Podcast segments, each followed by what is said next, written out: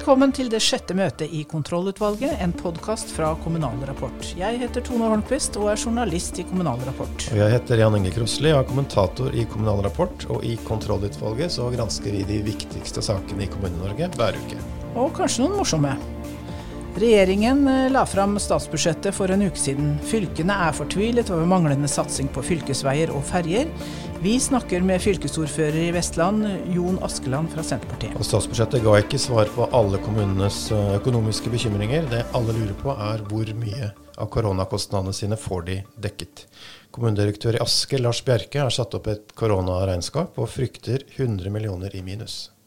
Av våre faste gjester har vi fått et nytt besøk av Daniel Aluku, som leder ungdomsrådet i Viken fylkeskommune. Og fakkeltog i Nordkapp er siste sak under eventuelt. Er dagsorden godkjent? Den er godkjent, og møtet er satt.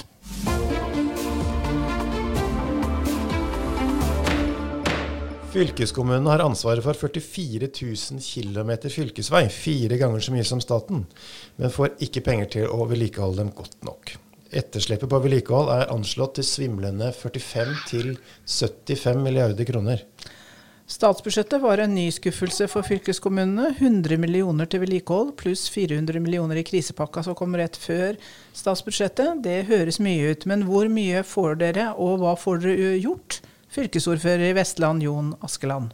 Ja, Vi får jo rett og slett altfor lite. Det var en eh, skuffelse nå på, på fylkesveiene. For um, samtidig med 10 000 km riksvei, så er det altså gitt 1,5 milliard til å eh, reparere forfallet på riksveier. Og Da viser jo med all tydelighet bildet her at eh, eh proporsjonene er så, så skjevfordelt. Ti ganger så mye, altså. Ja, så vi får rett og slett ikke gjort eh, noe som eh, viser i det hele tatt, slik som det kommer fram i statsbudsjettet nå. Så på den delen så er jeg skuffa.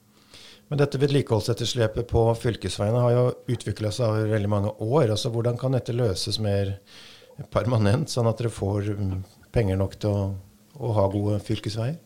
Ja, jeg mener jo det at det er Nasjonal transportplan som må endres radikalt. For Nasjonal transportplan er jo i stadig mindre grad blitt en nasjonal uh, transportplan, i og med at fylkesveiene ikke er med der.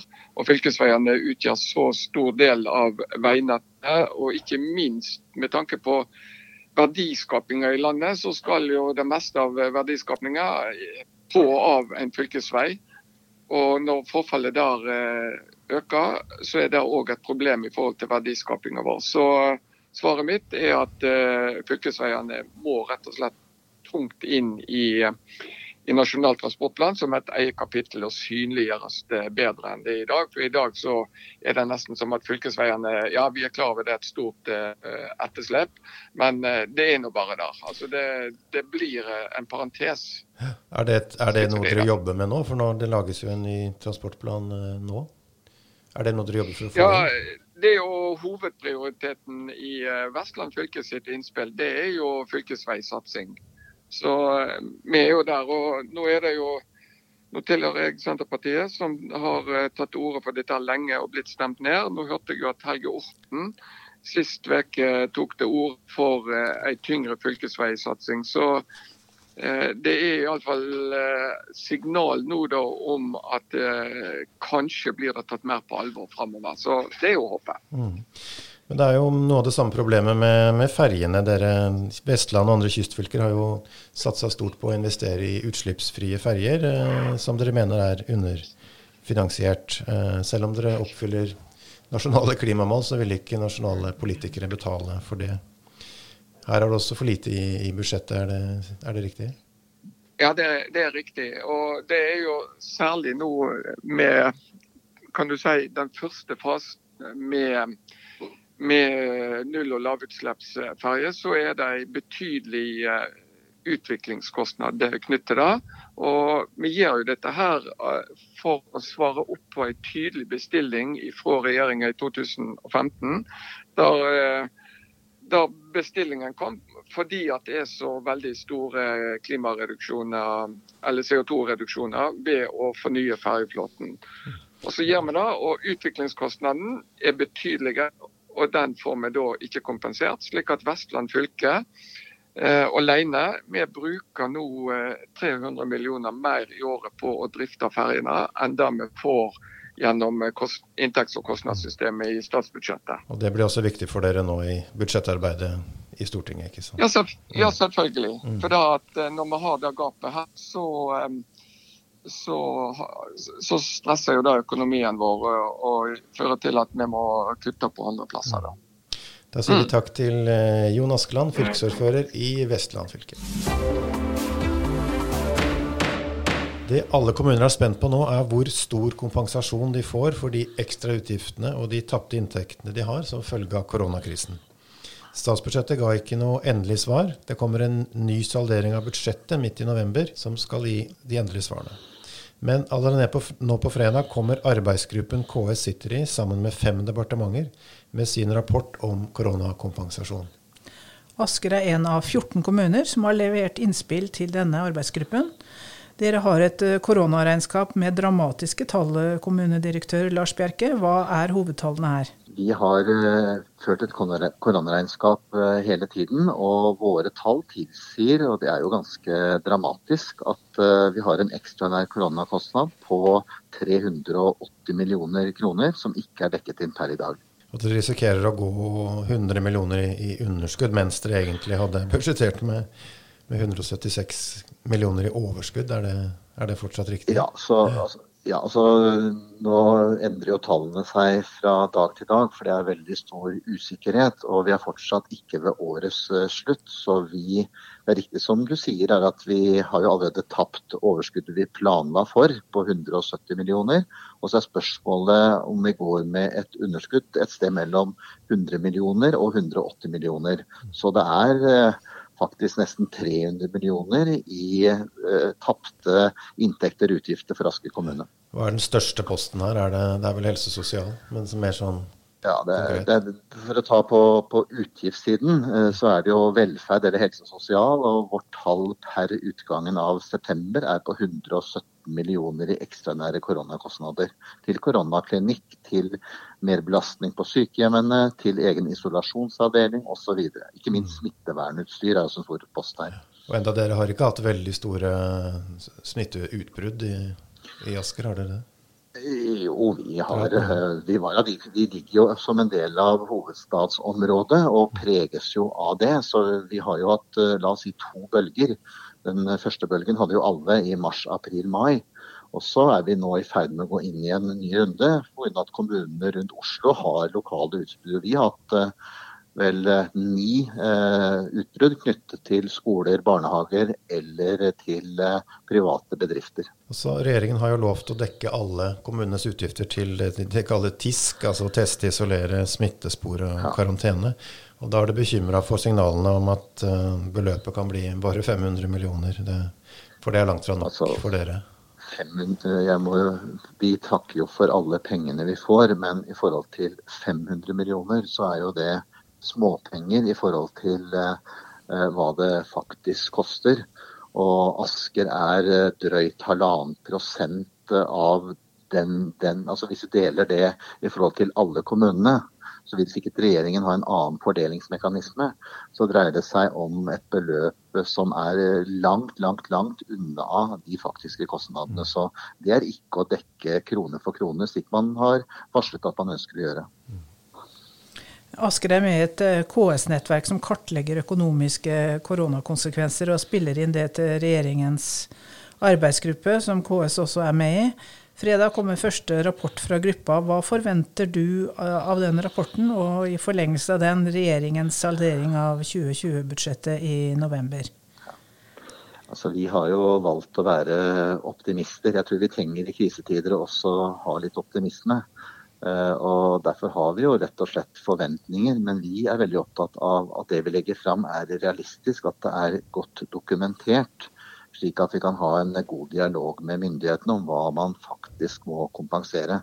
Fordi at eh, Hvis man velger en strategi hvor man ikke ønsker å kompensere dette helt eller delvis, så vil det selvfølgelig ramme velferdstjenestene i kommunene i 2021 og 2022. Og det andre er jo det at ansatte er i dag allerede overbelastet gjennom syv måneder i en eh, pandemi. Og eh, dette vil også bety omfattende reduksjoner i tjenestetilbudet hvis man ikke kommer oss i møte med tilstrekkelig kompensasjon. Det beste vil være en krone for krone-dekning av, av reelle kostnader? Ja, vi, vi er, det, det, har vel ikke vi erfart eh, når det gjelder ulike typer kompensasjoner. Men vi har nok en, en, forventning om at man har en seriøs diskusjon med oss kommunene og vi som er hardt rammet av dette. Slik at uh, vi kan bli enige om en fornuftig kompensasjonsordning. Og Det er det denne gruppen jobber med, og både, hvor også to departementer er inne. Så jeg håper og tror og har forventninger til at vi kommer fram til en forsvarlig løsning. For jeg tror alternativet ikke er akseptabelt. Da blir det spennende å se hva de kommer med på fredag. Så sier takk til deg, kommunedirektør Lars Bjerke i Asker.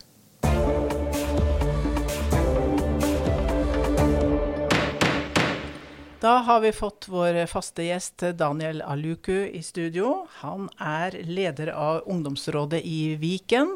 Student, 19 år, og opptatt av mange ting. Eh, du har valgt deg et tema i dag, Aluku. Hva er det? I dag så har jeg valgt å konsentrere meg om eh, psykisk helse og statsbudsjettet som regjeringen har lagt frem på Stortinget forrige uke. Og hva vil du si om det?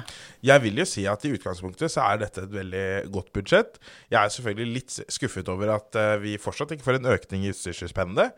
Men uh, jeg har valgt å konsentrere meg om dette med psykisk helse og det tilbudet som eksisterer i uh, videregående skole i dag. Og hvordan det tilbudet kommer til å se ut nå som statsbudsjettet er lagt frem og kommer i effekt. Ja, Hvordan tror du, tror du det vil se ut? Nei, jeg er jo litt negativ til uh, den, be den, bevilgningen som regjeringen har lagt frem. De har jo bestemt seg for å øke satsingen med rundt 130 millioner. Uh, det vi ser her, er jo at da 100 millioner av dette skal faktisk gå til uh, kommunene, slik at de kan ansette helsesykepleiere og etc. og så går jo da 30 millioner til en 35 millioner går til en digital helsetjeneste, noe jeg syns er fantastisk. Men jeg lurer litt på 35 millioner det er, det er, litt lite penger, er ikke det sånn statsbudsjettemessig? Det sånn, det er litt sånn penger som regjeringen bruker gjennom et ett år på en eh, statsråd, det. Så de kunne gjerne puttet litt mer penger i potten der. Og så er det jo 100 millioner eh, til eh, kommunene. Undersøkelser viser at syv av ti midlene som gis til kommuner, eh, som gis til kommuner for et spesifikt oppdrag fra regjeringen, ikke når frem. For det er sånn at regjeringa sier at disse pengene bør kommunene bruke på, psykisk helse til ungdom, men, men, de kan ikke si skal, da. Det er sånn mild øremerking, som det kalles. Det er mild øremerking. Og det følges ikke opp av kommunene, og det Nei. Så min bønn egentlig til kommunene er vær så snill, dette året her, gi ungdommen julegavepresang.